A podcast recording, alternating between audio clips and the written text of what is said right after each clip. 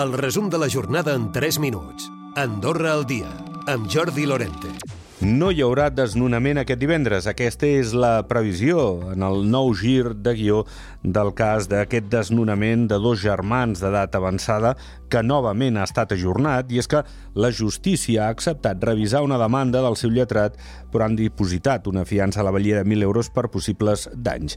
En parla aquest advocat dels padrins, Emili Campos. Garantir qualsevol dany o perjudici que li pogués causar vale? al tercer, al demandat vale? que és el presumpte propietari del, de l'habitatge eh, i que correspon a dos mesos de renda.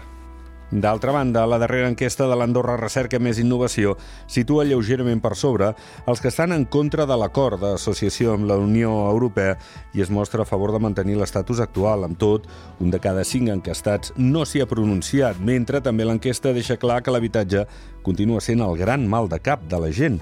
Ho diuen les dades. Un 80% dels encastats creu que és el principal problema del país i a 4 de cada 10 el preu elevat dels pisos els toca de prop i veuen els lloguers cars i una manca d'oferta en un mercat cada vegada més creixent amb l'augment de la població. El coordinador de l'àrea de Sociologia d'Andorra Recerca Més Innovació és Joan Micó. Quan demanem els principals problemes d'Andorra, passat d'un 67% a un 80% les persones que diuen com a principal problema l'habitatge, però quan demanem si t'afecta personalment és un 40% que és, bueno, és bastant, però sí que en els darrers sis mesos aquest percentatge no ha augmentat. Avís per possibles talls a la carretera d'accés al pas de la casa entre aquest divendres i dissabte. El motiu són les protestes dels pagesos francesos per l'augment de les despeses i la caiguda dels ingressos. Segons Mobilitat, l'afectació es produiria a l'RN20 i a la 320, especialment a la cruïlla de Cruzat. El recorregut alternatiu seria el túnel de Pimorent i entrar al país per Catalunya. I s'ha fet un pas més en la unió d'Arinsal amb Pal. Ha estat amb la inauguració del nou telecadira del Port Negre. Les obres obres, que han tingut un cost de 8 milions d'euros, són el primer pas per guanyar 7 quilòmetres de pistes negres i vermelles.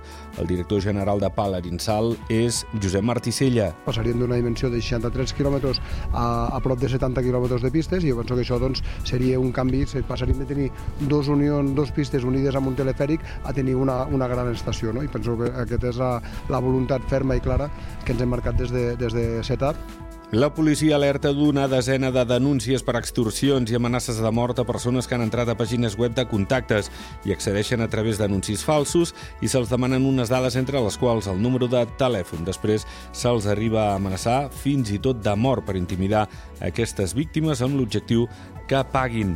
Sanca continua reivindicant la necessitat de crear una unitat de radioteràpia a Andorra i es planteja noves accions per continuar exigint aquesta unitat de radioteràpia, com per exemple fer una campanya de recollida de signatures.